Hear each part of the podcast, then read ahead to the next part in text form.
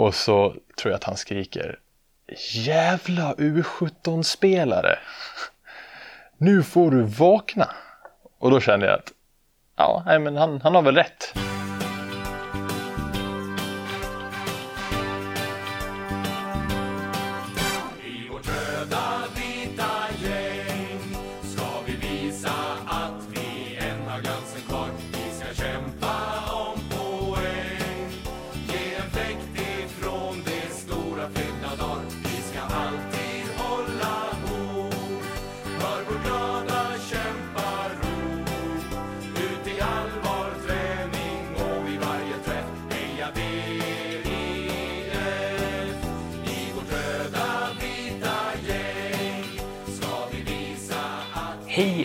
Välkomna tillbaka får jag väl säga till vårt röda vita gäng.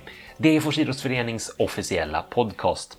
Den leds och produceras av mig. Jag heter Viktor Lundmark och är press och kommunikationschef i föreningen. Men grundade en gång i tiden den här podden som en alldeles vanlig hederlig Degerfors-supporter. Det blev ett längre uppehåll i poddandet. Det vet ni som brukar följa vårt röda vita gäng. Coronakris, korttidspermittering och så vidare är väl några av de främsta anledningarna till att det blev så. Jag kan verkligen inte lova att det blir poddar varje vecka från och med nu. Men finns det tid finns det podd, som det gamla ordspråket lyder. Huvudperson i det här avsnittet är anfallaren William Dahlström som ju inlett Superettan på ett strålande vis. I en del av den här intervjun som ni snart ska få höra pratar han om en väldigt traumatisk händelse där en av hans bästa vänner omkom i en olycka. Jag vill bara förvarna om det ifall det är så att någon kanske har egna erfarenheter eller av andra anledningar kan tycka att det skulle kännas jobbigt att lyssna på. Det här är Vårt röda vita gäng, avsnitt 41 med William Dahlström.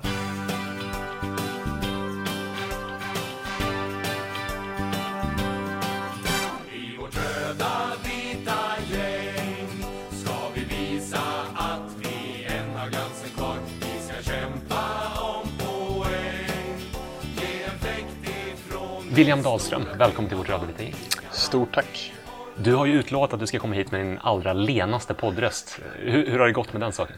Ja, mycket mycket vatt, varmt vatten och citron har det blivit. Ja. Eh, så nu eh, får vi se om det håller eller inte. Så vi, vi har förhoppningsvis en skön stämma att se fram emot här. Ja, eller så skön som den kan bli i alla fall. Du, eh, ni i Degerfors i år Yes. kom från FC Gute, eh, gotländska FC Gute i division 2. Och eh, nu har du inlett Superettan med två mål på två matcher. Eh, är det där steget mindre än vad man kan tro? Eller? Det är nog både och tror jag. Eh, alltså som anfallare som jag är så, så tänker jag att om man, om man löper på bra eh, och går på varje boll så kommer lägena komma. Eh, och är man, lyckas man göra mål i division 2 så, så kan man ju vara kylig nog till att kanske göra det i Superettan också. Sen är det ju, det krävs ett annat, ett annat arbete och eh, lite annat sätt att spela fotboll på. Eh, man får lite fler eh, chanser i division 2 om man gör en dålig första touch eller sådär. Så har du chans att rädda upp det. Och det kanske det inte är på samma sätt i, i Superettan. Eh, när insåg du det? Rätt tidigt, eh, redan på träningarna tyckte jag i vintras. Eh, så är det ett bra gäng och med väldigt mycket duktiga fotbollsspelare. Eh, så att man märkte att man var tvungen att vara påkopplad varje träning. Som man kanske inte varit på samma sätt i, i Gute. Eh, men det, är- det är ju utvecklande och roligt som tusan. Det, det här är ju en väldigt speciell säsong får man säga. Det är ett väldigt speciellt år för, för alla människor egentligen med anledning av coronapandemin. Då. I fotbollen märks det ju ganska tydligt med de här protokollen som vi strikt ska följa, framförallt i matcher men även i träning. Eh, Skulle du kunna berätta lite om de rutiner som ni har på en matchdag kopplat till just det här med coronaprotokollen? Ja, men vi har ju eh, Dels så, så tar vi ju tempen när vi kommer hit eh, inför varje träning och varje match egentligen. Eh, och ska vara under en viss gräns då, se att alla är friska. Och så gör man ett sånt självskattningstest där man, man får tänka till lite och se till att man inte har någon av de symptom som det står på pappret. Så det ska man fylla i. Eh, och sen så har vi ju nu på träningarna till exempel så eh, byter vi om i två separata omklädningsrum. halva gänget då eh, i, i varje omklädningsrum. Så det är lite speciellt och, och tråkigt på det sättet att man inte får det här omklädningsrumstugget som man så gärna vill ha. Men vi, vi ses ju sen ute på plan. Och på matcherna är det avbrytarbänk på läktaren, Just det, ja. uppvärmningsytor avdelat, eh, Mm. hemmalag och bortalag med koner. Ja, det är mycket, mycket speciella grejer nu. Det är ingen publik men eh, eller ens lagkamrater som sitter och är publik liksom när man blir så det är, det är väldigt speciellt. Vi har, eh, vi ska ju gå in från uppvärmningen så ska vi gå in i separata dörrar och under separata tider och lite sådär. Så det är, eh, och det är ingen, inte heller någon hälsning innan matchen med motståndarlaget utan det är bara, det är en tyst minut sen så eh, ska vi köra igång. Kan det vara distraherande på något sätt eh, för fotbollen med allt det här som man måste följa? Både och skulle jag säga. Det blir ju än mer träningsmatchkänsla faktiskt. Nu har man varit så taggad på att komma igång ändå så man har ju ändå kunnat tänd till. Men det är ju lätt att falla in i det att det inte ingen publik och inte de här rutinerna man brukar ha vid match. Så det finns väl risk för att det, att det kan dra ner känslan lite. Men eh, fotbollsmässigt är man ändå så pass taggad så att det löser sig. Jag tänker att det kanske också kan göra det här steget vi pratade om, division 2 till superettan, att Ja. det- steget blir lite mindre när det blir så avskalat på matchdagar. Det är möjligt att man ännu tror att det är träningsmatcher. Men det, det har ju gått helt okej för oss eh, ändå. Så att, sen är det bara tråkigt. Det hade varit mycket roligare att vinna mot Brage med 4-1 med full publik här. Men det kommer hoppas jag. Det ho- hoppas jag också. Eh, Du själv missade ju några veckor av träning i våras. Eh, Det blev aldrig utrett riktigt om det var eh, covid-19 som du hade, men, man kan väl göra vissa antaganden i de här tiderna. Eh, Och, vi ska säga att det här är ganska länge sedan nu så det är ingen som behöver vara orolig för Nej, att vi har slarvat med någonting. Men, men kan du berätta vad det var du gick igenom under de där veckorna? Jag tänker i symptomväg. Ja, det var kring påsk där. Eh, när vi hade fått lite ledigt och så eh, var jag hemma. Och skulle hälsa på familjen och så blev jag dålig första kvällen. Riktigt dålig. Jag hade jättehög feber och var liksom jag vet inte om jag känt mig så dålig faktiskt förut. Det var huvudvärk, eh, luktsinne och doft, alltså all mat, smak och doft var helt borta. Eh, och var allmänt svag liksom. Så jag blev väl hemma där liggandes isolerad i tio dagar. Eh, familjen fick fly till eh, sommarstugan. Eh, och jag fick ligga där i ett rum. Eh, så det var ju inget kul på många sätt. Och sen var det rätt tufft att ta sig tillbaks efter det. Man var, eh, det tog en, en stund för kroppen att komma tillbaks. Så jag eh, var väldigt glad att eh, serien hade skjutits upp och att det inte var någon säsongspremiär där i, i krokarna, för det hade varit tufft. Du hade ju en jättebra start på försäsongen innan den här krisen kom. Så att jag, jag tänker att det, jag förstår att det kan ha varit en viss stress där att tappa någonting som, som du var väldigt nära om du förstår vad jag menar. Ja, nej men det är klart man jagar ju hela tiden startplats och så kände man att det började bra från början med, eh, med mål och så vidare. Eh, och så kommer det här uppehållet och det är som att börja om igen. Eh, det har varit en väldigt lång försäsong men den har ju nästan varit uppdelad i två olika säsonger liksom. Men ja, vi, jag spelade ju en hel del som tia där i början. Men det bytet gjordes ju ganska sent. Just det, det var Viktor Edvardsen hade toppforwardsrollen kan man Mm. säga och så du och Johan Bertilsson Exakt. släpande. Men där bytte vi. eh, Det var väl jag ville ju spela nia och han ville spela tia så att det kom vi ju rätt bra överens om liksom. Och har ju känt väldigt bra sedan dess. Jag trivs mycket bättre där. Har jag känt. Är det du och Viktor som har tagit det beslutet egentligen? Att, Nej, det var väl Det inte i, ni som tar ut laget i men- samråd med, med tränarna såklart. Men eh, han tyckte väl inte att han fick ut sin fulla potential som nia i vårt spelsystem. Och jag tyckte väl då tvärtom att jag inte fick ut mitt som tia. Jag hade aldrig spelat det förut. Så att det, nej men det blev ett eh, lyckat byte. Och det är man väl tacksam för nu. William, född 1997, eh, Yes. gotlänning, men under en period i barndomen var baserad i England. Ja, en väldigt kort period. Men eh, pappa håller på med, har hållit på med vindkraft sedan eh, jag var liten.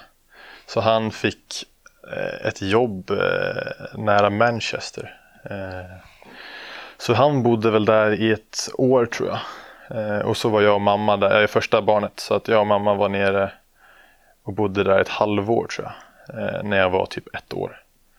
Jag har bara sett massa bilder från det, så att jag har inga- minnen tyvärr. Och inte någon fin brittisk dialekt. Okej, Nej, det, det, jag hoppat den. du fick inte med dig det från England. jag tror inte det. Men, men även om, om England var hemma en kort period, men framförallt Gotland är hemma, så har ni ju inte tvekat för att se världen så att säga. Eh, ni, ni har rest mycket i er familj. Så. Ja, nej men det har, eh, är jag väldigt tacksam och glad över att mina föräldrar har, har fått med mig på så mycket. Eh, vi är ju en familj på, på sju, om man då inte ska räkna med alla utomstående som har kommit in i familjen. Men då var vi sju. Eh, och pappa och mamma har alltid velat att vi ska se mycket av olika kulturer och, eh, och land. Så att vi har ju varit runt en del. Eh, och det även bortsett från eh, ett miljöperspektiv då så tycker jag ju att det är fantastiskt för, för personer att liksom få se annat än bara Sverige. Eh, så vi har väl, ja, Thailand har det blivit någon, någon gång. Eh, Ni äger någon fastighet där också? Ja, eh, vi har ett hus på Koh Lanta. Så där eh, försöker vi ju och nu var det några år sedan jag kunde ta mig dit men vi siktar på att åka i år. Eh, det är lite som en sommarstuga liksom. Man försöker ta sig dit någon gång per år. Eh, och det är jättehärligt när man väl är där. Framförallt som fotbollsspelare när man, har, man inte kan resa på sommaren och så så är det väldigt skönt att kunna komma iväg där i december och känna sig som hemma. Så det är målet. Men eh, det här med att föräldrarna vill att ni, att ni barn skulle uppleva olika kulturer, så har det alltså varit något uttalat från er att nu ska vi göra det här för att ni ska få den här erfarenheten? Eller, alltså har ni pratat så i familjen? Det har varit lite, lite både och. Eh, dels har pappa jobbat väldigt mycket. Så att eh, när han väl, nej men med så många barn och så många olika aktiviteter som vi ändå hållit på med så är det inte alltid vi samlade. Så då har de alltid velat ta några veckor och tagit ledigt från skolan. Eh, på min tid var det ännu godkänt. och då eh, så har vi åkt runt. Men vi åkte sällan till samma ställe igen. Utan vi vill hellre se nya ställen. Så vi har väl varit i USA eh, på en roadtrip som var som jag verkligen kan rekommendera. Eh, med alla olika klimat som var där. Och sen eh, har mina föräldrar även valt att och, åkt till Marrakesh och sådana där ställen som man kanske inte väljer i första hand. Eh, men ja, vad ska man säga? Det har varit eh, nyttigt i alla fall. Att kunna se hur, hur folk har det i, i andra länder än Sverige. Sen ska jag inte säga att vi har åkt och hjälpt barn i Afrika, för det har vi inte än. Men eh, det är ju någonting som man gärna kunde göra i framtiden. Så det, ja. Väl det. Vad har du för favoritdestinationer då? Ja, jag skulle säga eh, Hawaii. Det är det absolut häftigaste stället jag varit på. Varför då? Ja, för att det är eh, storstad men ändå strand och eh, djurliv, liksom allt i ett. Det finns liksom massa olika klimat på, på samma ställe. Eh, sköldpaddor i vattnet och ändå affärer och så som bra restauranger att gå på. Eh, det är nog absolut häftigaste. Och sen med de alla de här, jag gillar ju att bada och vatten. Så att det är ju mycket eh, bra vågor och sådär.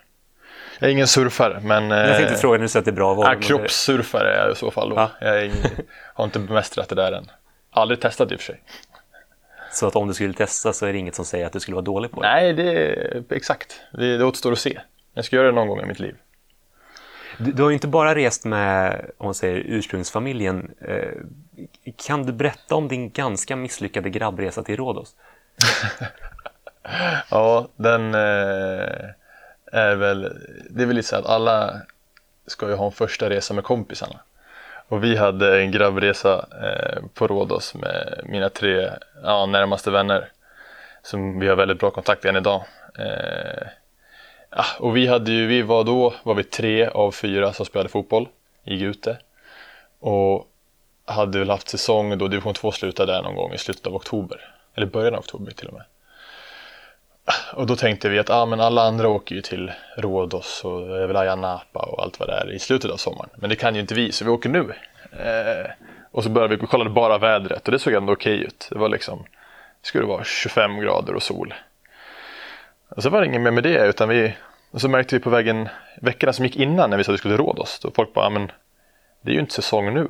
Vi bara, men det blir bara skönt att komma ner. Det finns väl lite som är öppet.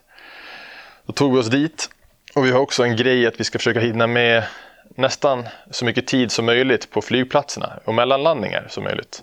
Så man hinner dricka någon öl på vägen. Eh, så jag tror att vi åker genom, vi åker via eh, Helsingfors och Warszawa till Rhodos.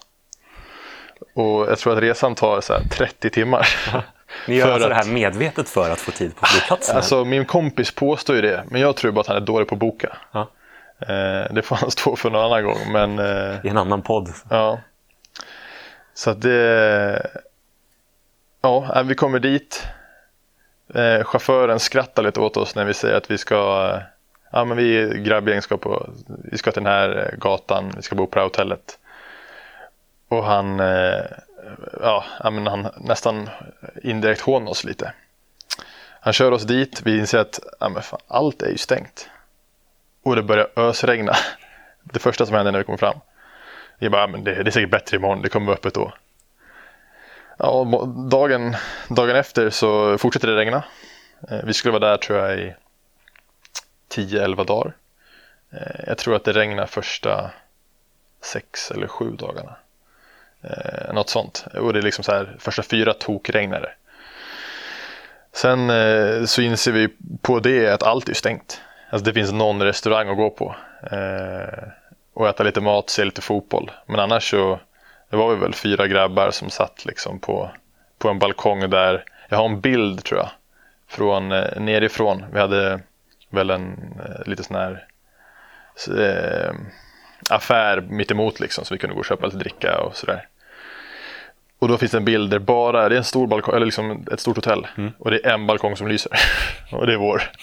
Och där satt vi och spelade hög musik och eh, drack bira liksom. Eh, ja, nej, det var väl eh, typ det. Det blev sol några dagar, vi fick lite, lite bränna, fick pressa så mycket det gick.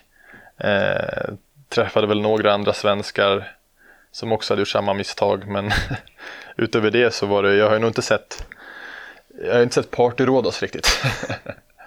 Men det är väl kanske bra i efterhand, jag vet inte. Nu när man har, har flickvän och barn så det var bra, bra beslut. Ni levde ut Rhodos så mycket ni kunde, Ja. men det var bara ni som gjorde det. Ja men exakt. Och det är ett ständigt återkommande samtalsämne. Vi har mycket kul om det. Så att det, nej, det är ett eh, bra gäng med bra kompisar som jag nog kommer ha resten av livet. Du, någonstans i mitten på 2010-talet, då kommer du upp i A-truppen i FC Gute. Just det. Och eh, den tonåriga William Dahlström som kommer upp där är en ganska, ganska kaxig junior som inte riktigt skriver under på de hierarkiska regler som kan finnas i ett fotbollslag. Det här med att bära, bära utrustning till träningen och sådana saker. Eh, hur, hur kunde det märkas att du var kanske en lite mer, vad ska man säga, ja, en lite mer kaxig junior än vad man kanske är van vid? Ja, nej men jag, det stämmer nog eh, till väldigt stor del. Eh, jag förstår ju nu vem du har intervjuat, eller vem du har frågat om eh, info här. Eh, men eh, och det är också en nära kompis då, som ju var med under den här tiden. Och, eh, nej men jag har nog alltid varit lite så att jag försöker ta för mig och eh, kanske inte tog de här bollarna som man skulle göra.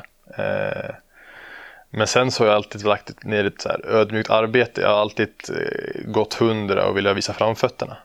Så att det har varit lite så här ge och ta. Men det är klart att man har ju fått en del utskällning genom åren att man är en juniorjävel som inte gör det han ska liksom. Eh, men det var bara att bevisa att man tog lika mycket plats som de andra. Men, men varifrån, varifrån fick du den styrkan, måste jag säga, eller övertygelsen om att det här gäller inte mig och det vågar jag stå för, ungefär så?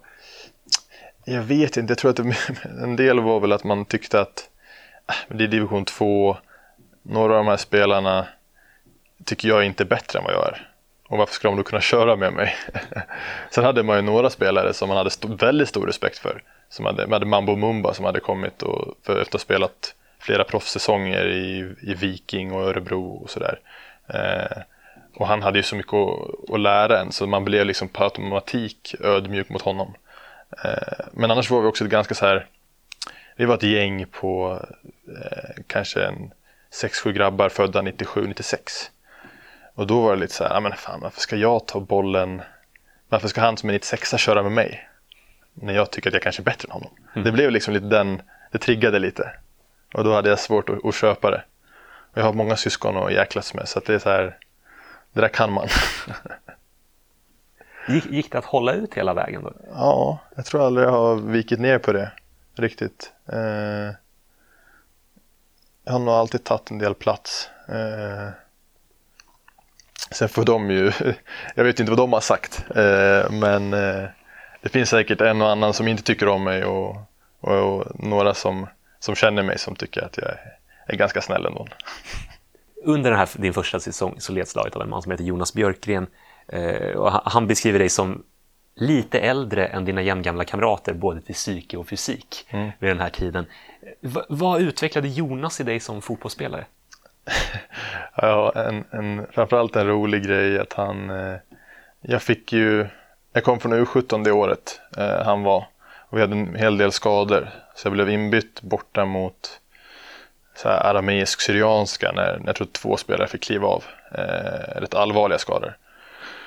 Och sen kommer jag ihåg på, på vägen hem där, eh, vi hade förlorat med 4-0 eller 4-1 eller sådär. Och så, så sitter han vid bordet. Så sitter jag med två av mina kompisar då som är ganska liksom, tongivande i laget och så han. Och han ville ofta ta med gruppen liksom, i samtalet. Men då var han så eh, uppgiven. Att vad ska jag göra? Jag har inga spelare att slänga in. Så, så och så han kollade på mig och sa Du får ju räkna med att vara här ett tag nu. och han satte väl liksom någon slags ribba att han ja, men ska jag vara där då tävlar jag liksom på samma villkor som alla andra. Så att jag tror att det var redan om det var tredje matchen som jag startade hemma så gör jag ett misstag eh, om jag tappar en markering på ett inkast högt upp i banan. Eh, eller om jag, ja det är ett misstag i alla fall som gör att de är mål. Eh, tycker han i alla fall. Och så tror jag att han skriker Jävla U17-spelare! Nu får du vakna! Och då kände jag att ja, nej, men han, han har väl rätt. Så han satte ju han hade ju en hög kravställning på mig redan från början och då var jag ganska färsk, liksom 16-åring. Eh, och det tror jag, men jag kunde ta det ganska bra. Vi kunde skratta lite åt det efteråt liksom, men väl på plats så var det allvar. Och den, en sån grej idag, då är det väl skriverier om det liksom, att det, det är inte okej. Men jag tyckte att det var, det var en helt rimlig nivå att ligga på liksom.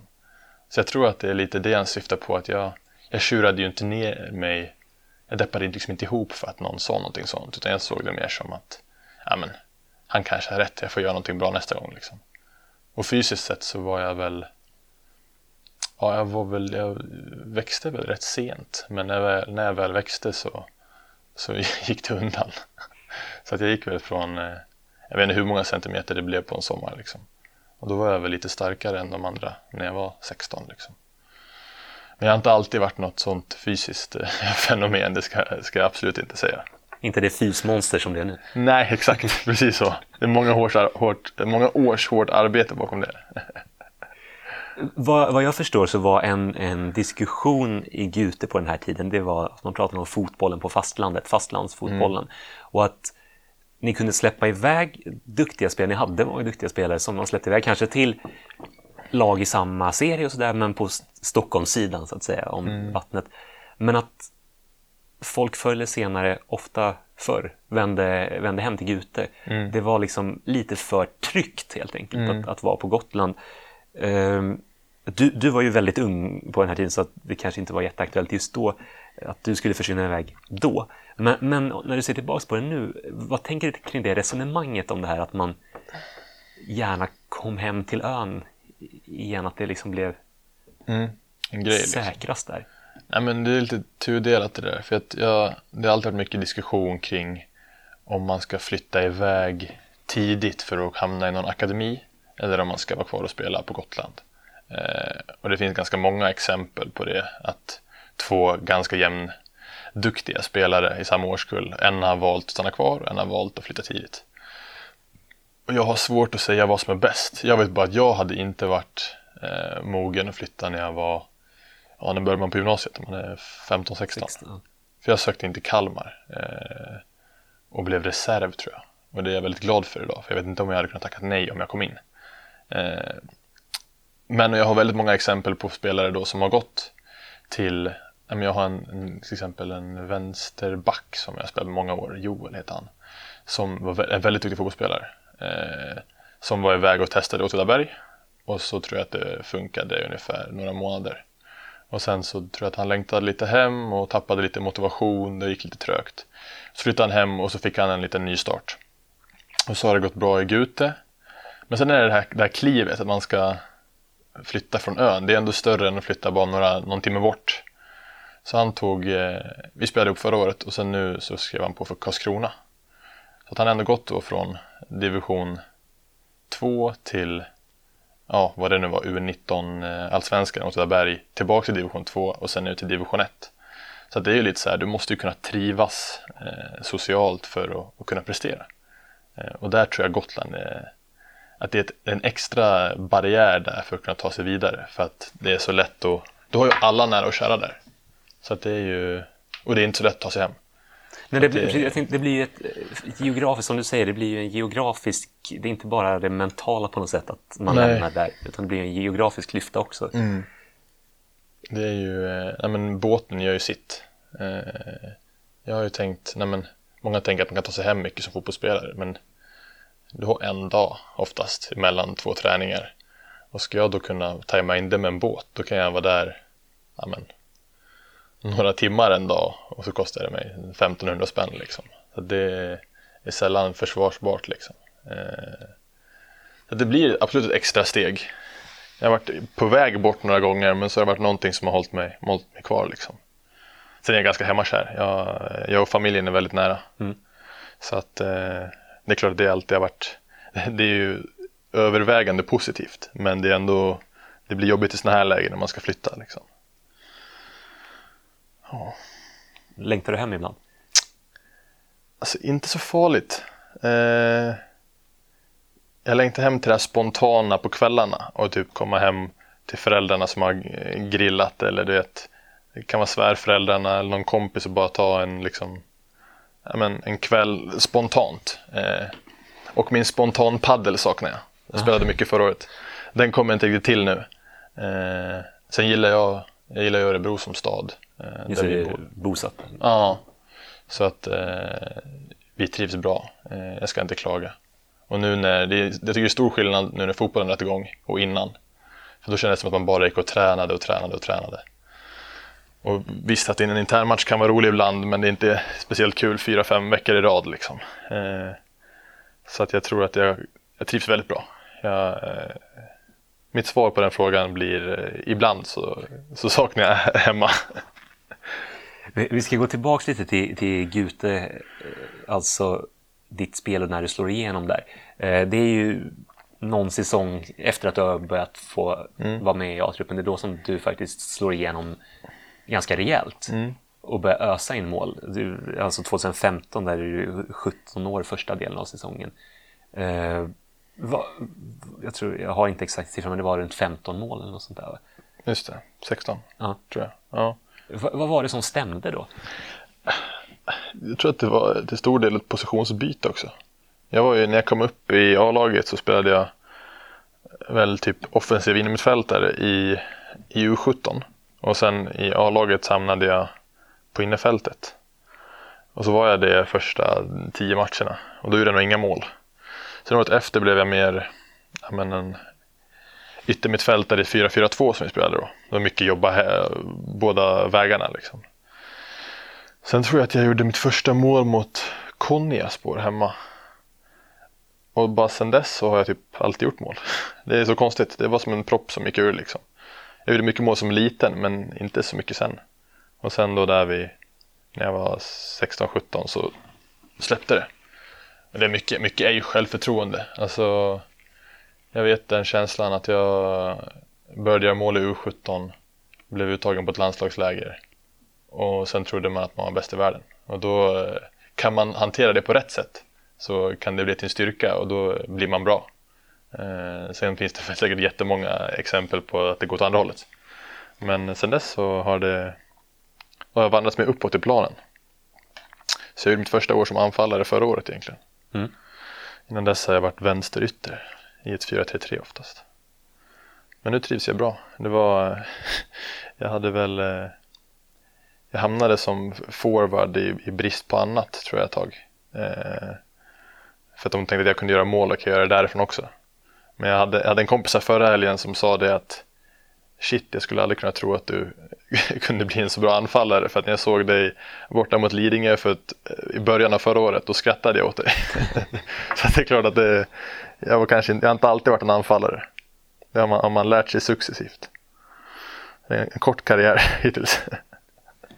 Och i Degerfors så blev det liksom Ja. ett positionsbyte under den förlängda försäsongen. Ja, egentligen.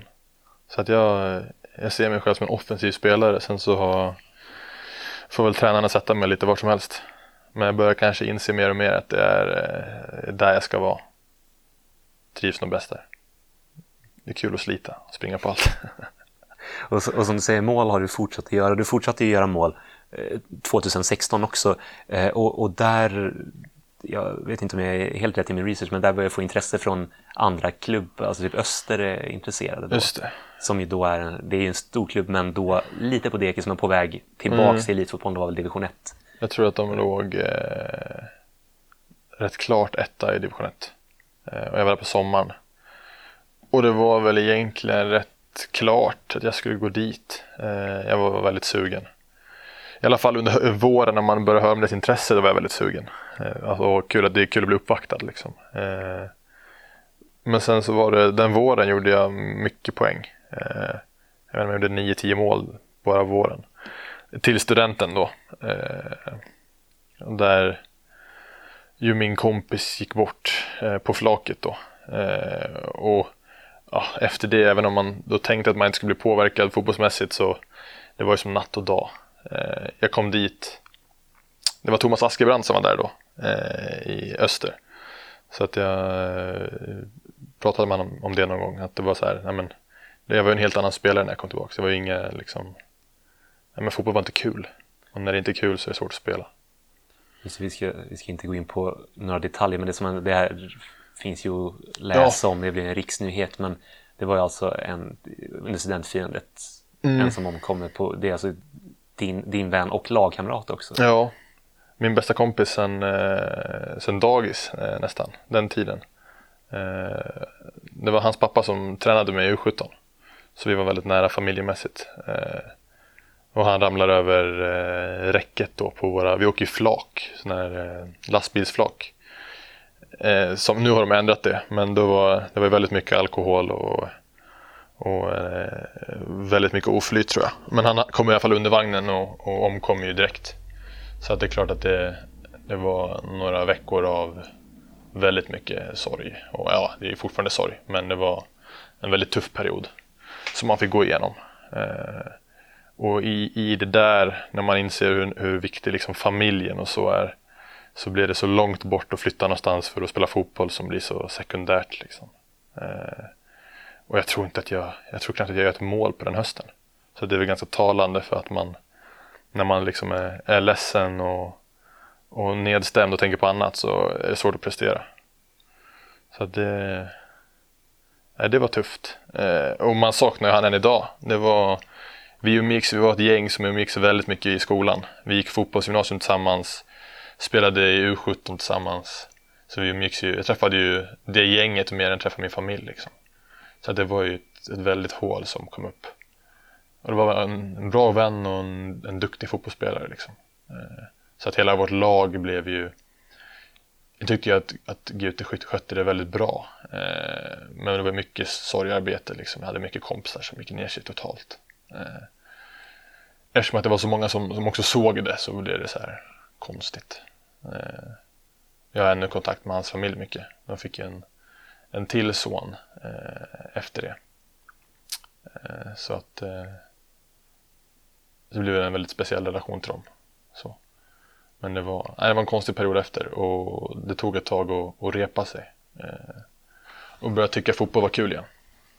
Det var väl inte förrän året efter. Ja, men, sorg arbetar man väl sig igenom. Liksom. Hur gjorde du för att bearbeta det som hade hänt? Man märkte väl rätt stor skillnad på, på mig som hade både familj och flickvän liksom nära kontra mina kompisar som vissa av dem som inte hade det. Hade det jobbigare liksom. Eh, sen är jag inte en sån som i början ville prata om det heller. Jag blev väldigt ledsen snabbt liksom. Eh, men ah, på något sätt så genom att träffa hans familj mycket och kunna liksom prata och det var väl några, jag var inte så mycket för de här, de anordnade ju några träffar, gemensamma träffar för klassen och för laget så det var jag inte så mycket för. Eh, Det kris, kriskrig. Ja, typ. Ja. Men jag vet att första veckan efter det där så tror jag att vi bodde typ ja, 10-15 pers i mina föräldrars sovrum, eller vardagsrum. Så vi ville bara vara med varandra. Så att det, det var väl ett sätt att, att liksom ha den här närheten till alla som har varit med om samma sak. Sen visste man ju att de här frågorna skulle komma, alltså halvåret efter när alla frågar hur det är varje gång man träffar dem. Liksom. Och det tyckte jag väl kanske var, även om det liksom med, gott, med god vilja så är det, kunde det vara lite irriterande, jobbigt. Liksom så när någon frågar gång på gång på gång och man själv försöker att, att komma förbi det. Liksom.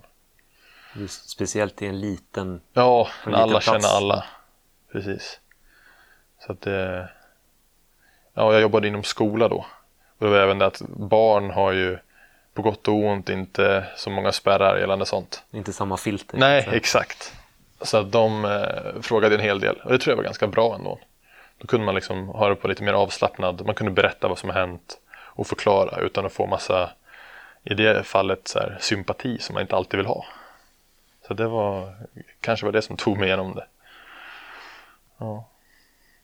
Kan man lära sig någonting av att vara med om ett sånt här trauma? ja, det är nog framförallt att man ska värna väldigt mycket om sina, sina närmaste liksom. Eh, nej men sen så bara det blir så tydligt vilka som, som finns där för en. Eh, och där har jag, är jag lyckligt lottad och har det gott ställt. Både bland familj och vänner. Ja. Du, du är ju en människa som har fått se många sidor av livet väldigt tidigt i livet kan man säga. Eh, några år efter det här så blir du en, en väldigt ung pappa. Ja, Eh, hur, var det att bli förälder? ja det, vi går från toppen till botten, eller från botten till toppen nu. Eh, det är ju det absolut bästa som har hänt mig. Vi var, ja, han är ju tio månader, just nu är han på Gotland. Så att, jag har varit där i tre veckor, kommer hem imorgon. Så jag har saknat ihjäl mig. Eh, men det är klart att det har varit en stor omställning. Eh, men bara till det positiva tycker jag. Jag, eh, ja, det har avspeglat sig på min fotboll också tycker jag. Att jag om jag gjorde mitt bästa år förra året så tror jag att det var till stor del upp, liksom, hans förtjänst. För att det var, man behövde inte, allt var inte fotboll längre. Utan det var, man kunde spela en dålig match, man kunde göra en bra match. Och sen var det ändå så att man var tvungen att komma ner på jorden och, och vara med honom sen. Och du vet så här, efter kom hem efter en träning och så, så det första han gör när man kommer hem är att ler. Då är det så här, men hur, hur bra eller hur dålig träningen har varit så överspelar det ju. Det är liksom, nej det är eh, fantastiskt och jag ångrar inte en sekund att det blev så. Eh, nu är han ju lite för liten för att man ska kunna tala om någon direkt uppfostran och sådär tänker Ja. jag. Men, men, men på sikt, hur, hur vill du vara som pappa? Nej men där vill jag ta, ta efter eh, mycket hur jag blivit uppfostrad tycker jag. Eh, det är liksom, men det har varit mycket frihet under ansvar men ändå med en del hårda linjer som man inte passerar. Liksom. Eh, mycket kärlek och nej men jag tror att man som barn måste, man måste liksom känna sig och testa sig fram. Eh, men sen få, få väldigt raka och tydliga eh, tillsägelser när man gör någonting fel. Alltså som är väldigt fel. Min pappa och, och mamma var väldigt eh, tydliga med det. Det kunde vara att de tyckte att någon av, av mig eller mina syskon inte uppförde sig när vi var ute och åt eller sådär. Då, det var inte så att, att den tillsägelsen väntade på att man kom hem utan den kom på plats. och så kunde mamma sitta och skämmas där. Men det var ändå så att det var hårt, rakt och ärligt. Och jag tror ändå att, eller jag vet att mina föräldrar har fått väldigt liksom goda ord från personer eh, när vi har till exempel rest och alla barn ändå har kunnat sitta still och till den mån det går. Så jag tror att någonting bra har de nog gjort av det. Jag har fyra fantastiska syskon så att eh, jag tycker de har gjort ett bra jobb och jag vill eh, försöka eftersträva det så mycket som möjligt. Om man en dag många år kommer och frågar, säger pappa jag vill till Rhodos, då säger du ja, men inte i oktober. Ja, eller i oktober, för då, då är det lugnt. Oktoberregn, det är perfekt för dig. Kan, kan du någon gång känna att du har vuxit upp för, för snabbt? Både och. Jag, jag känner ju att jag, jag är på många sätt förbi eh, allt det här. Jag tycker jag har fått mycket av allt ändå. För jag har alltid haft mycket äldre kompisar så att det var jag kanske festade till, jag har liksom blandat fotboll med lite Jag har inte varit den som aldrig gått på fest och sådär utan jag har varit rätt fri i det. Men, men med bra förberedelse såklart. Inför jag- festen eller? i- Ja, både och. Nej, men eh, jag har eh, nog gjort mycket ändå. Sen är det klart att jag inte haft det här, jag har inte studerat eh, på högskola eller eh, liknande efter eh, gymnasiet. Utan då har jag jobbat och spelat fotboll och sen då fått, jag träffade min tjej när jag var 18. Eh, och det har ju funkat sedan dess. Eh, och så nu har vi då bildat familj och bott ihop i snart fyra år. Eh, så jag tycker nog att för mig har det här blivit naturligt. Eh, mina föräldrar var ganska unga, unga när de fick mig. Eh, så det är liksom, och jag har haft mycket syskon så jag har alltid varit van med det här med att ta ansvar.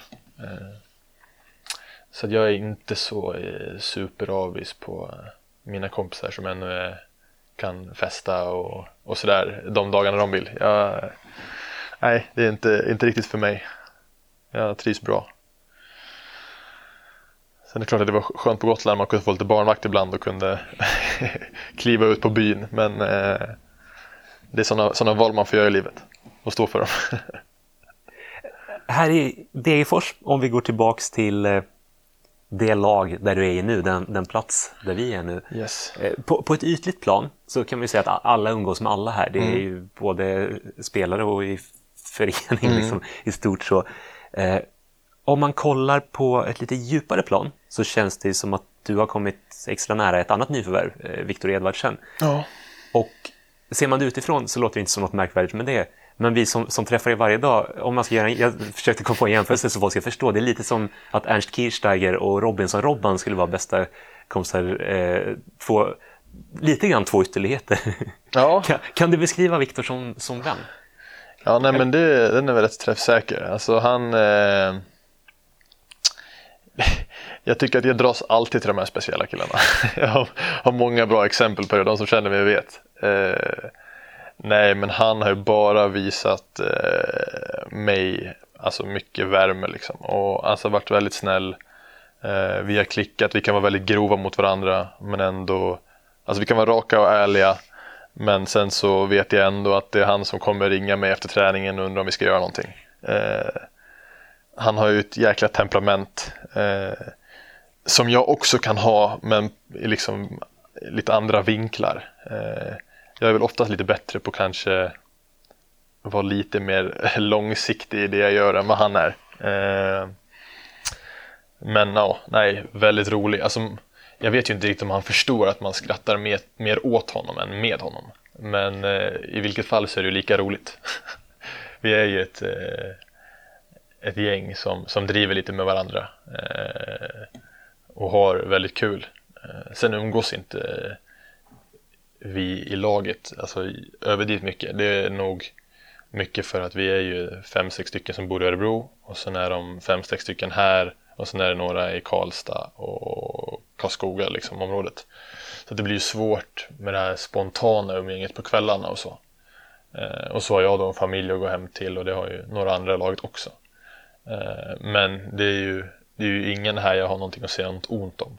Och det brukar man ändå ha. Man brukar ha någon i laget som man inte riktigt så här klarar av. Men jag tycker att det här är eh, ja, men Werner ett bra jobb med att plocka in bra killar liksom. Eh, sen är det speciellt att inte veta någonting om någon sen innan. Alltså, det är ett, ett lite clean slate här. Och det tycker jag är rätt skönt liksom. Eh, man, får man får bilda sin egen uppfattning om alla. Ja. Nej, men eh, om jag då ska summera Viktor så, eh, så tycker jag att det, det, han har visat mig så har varit en, en bra och, och, rolig kille och jag tror att vi kommer att, att hålla kontakten eh, länge även om vi skulle hamna på olika ställen i framtiden. Så att ja, nej. Det är viktigt att ha en så, så bra vän här. Eh, när det ändå är, ja men det här är ju ändå det jobbet man har, de människorna man träffar förut, utöver sin då, familj där hemma. Eh, så att det är skönt att kunna ha någon att prata lite mer än bara fotboll och det här vardagliga med. Eh, nej, jag behöver inte betygsätta honom va? Nej, nej det inga... vet vi väl båda att det är fem av fem. Ja, precis. Sex av fem kanske. Egentligen. Eh, vad tror du att du och Viktor och resten av laget kan uppnå med DFOS IF i Superettan i år? Jag tror vi kan uppnå mycket. Eh, vi har ju visat de här två matcherna vi har haft nu så eh, försäsongen har sett väldigt bra ut och vi har en bra och bred trupp med väldigt mycket spets. Eh, och premiären spelade vi den fotboll vi vill spela. Eh, 4-1 eh, mot Brage i premiären hade nog inte så många sett komma. Eh, men vi som tränar här varje dag ser ju vad vi har eh, och vet vad vi kan uppnå. Och sen, alltså ur min synvinkel så är ju Västerås, en poäng mot Västerås borta. Vi spelar inte som vi vill göra, men ändå ta en poäng borta liksom, eh, det är väldigt starkt. Och det tycker jag säger ganska mycket om gruppen. Eh, vi har spelare som ja men, Oliver som alltid eh, pushar på i vilket läge den är, gör ett mål, när vi ligger under med 1-0. Det är liksom sådana där viktiga grejer att ha med sig. Det finns alltså sådana grejer som Berra gör här på träningarna. Har jag, nog aldrig, jag har aldrig spelat med spelare som kan göra sådana grejer. Så att det, och det, det är bara, då nämner vi bara två. Det, är, eh, det finns väldigt många duktiga fotbollsspelare här. Eh, och jag tror att har vi lite flyt, lite stolpe in och kan vara skadefria och Eh, bra ton i gruppen liksom, så tror jag absolut att vi kan eh, ta någon av de där tre platserna upp till allsvenskan, om det nu blir kval eller direktuppflyttning. Det tycker jag är det enda rimliga målet. Många pratar om att vi ska vara lite bättre än förra året, men det känns ändå som att komma femma eller fyra är lite skitsamma, utan vi behöver någon av de där tre platserna. Eh, och det tror jag helt ärligt att vi, att vi kan mäkta med. Vad har du för drömmar gällande egna fotbollskarriären? Ja, alltså det är en rolig fråga för att så sent som förra året där på sommaren så, så var jag nästan lite klar. Då var det liksom så här att nej men jag har varit i Gute i 5-6 år. Eh, och jag vet att jag kan göra de här målen i division 2 eh, och det vet alla andra också. Men så är det så här att det kommer nya spelare och jag blir bara kvar. Och så visste jag inte om jag var redo för jag hade precis fått barn och visste inte om jag var redo att liksom eh, flytta. Så det var lite så här, äh, men jag kanske spelar klart det här året, sen får jag lite se vad jag gör. Men sen så gick ju hösten lika bra som våren och det är kanske första gången som jag har varit så jämn liksom. Eh, och så kom det här intresset och så hamnade jag här. Eh, och nu har det ju börjat väldigt bra här också. Så det är klart att man man drömmer ju om att, att spela allsvenskan eh, i alla fall. Och det känner man att man har i sig. Men sen så eh, gör jag ju gärna det i Degerfors. Eh, drömmen just nu, den kortsiktiga drömmen är att vi, att vi går upp i år. Och sen att man spelar nästa år här i, i allsvenskan. Och etablera oss där. Och, och, går det väl bra där så kanske man kan få göra något år utomlands någonstans som eh, tjejen drömmer om. så det är hennes dröm snarare? Nej, den är väl gemensam men eh, nog Eh, majoriteten är nog 60-40 eh, i alla fall. Apropå det vi pratade om i början, det här med att det blir väldigt tryggt att söka sig tillbaka till Gotland, tillbaka mm. till Gute. Eh, jag hade ju i våras med Leif Olsson i den här podden som ju såg fotbollsvärlden men på något sätt alltid kom tillbaka till Degerfors. Mm. Signifikativt för hans berättelse var att han återvänder alltid till Degerfors. Mm. Hur slutar din fotbollsberättelse tror du? Alltså så, så hemma som jag känner mig här nu så, eh, så det är klart går vi inte upp så kanske man någon gång ser sig om ett tag för att och få ut sin fulla potential. Men, eh, men jag skulle kunna se mig göra många år här. Eh, och så vill jag ju såklart, om det här då blir ett andra hem så är det ändå så att, eh, att Gute är ju hemma. Så att jag hoppas att de håller en, en lagom nivå när jag börjar bli 37, något sånt. Och ändå kan göra, jag vill vara i så pass bra form när jag är 37 så att jag ändå kan göra avtryck. Och så då, ja men de får gärna ligga i division 1 då och så skjuter vi upp dem i superettan. Och sen så lägger jag av. sen är det finito.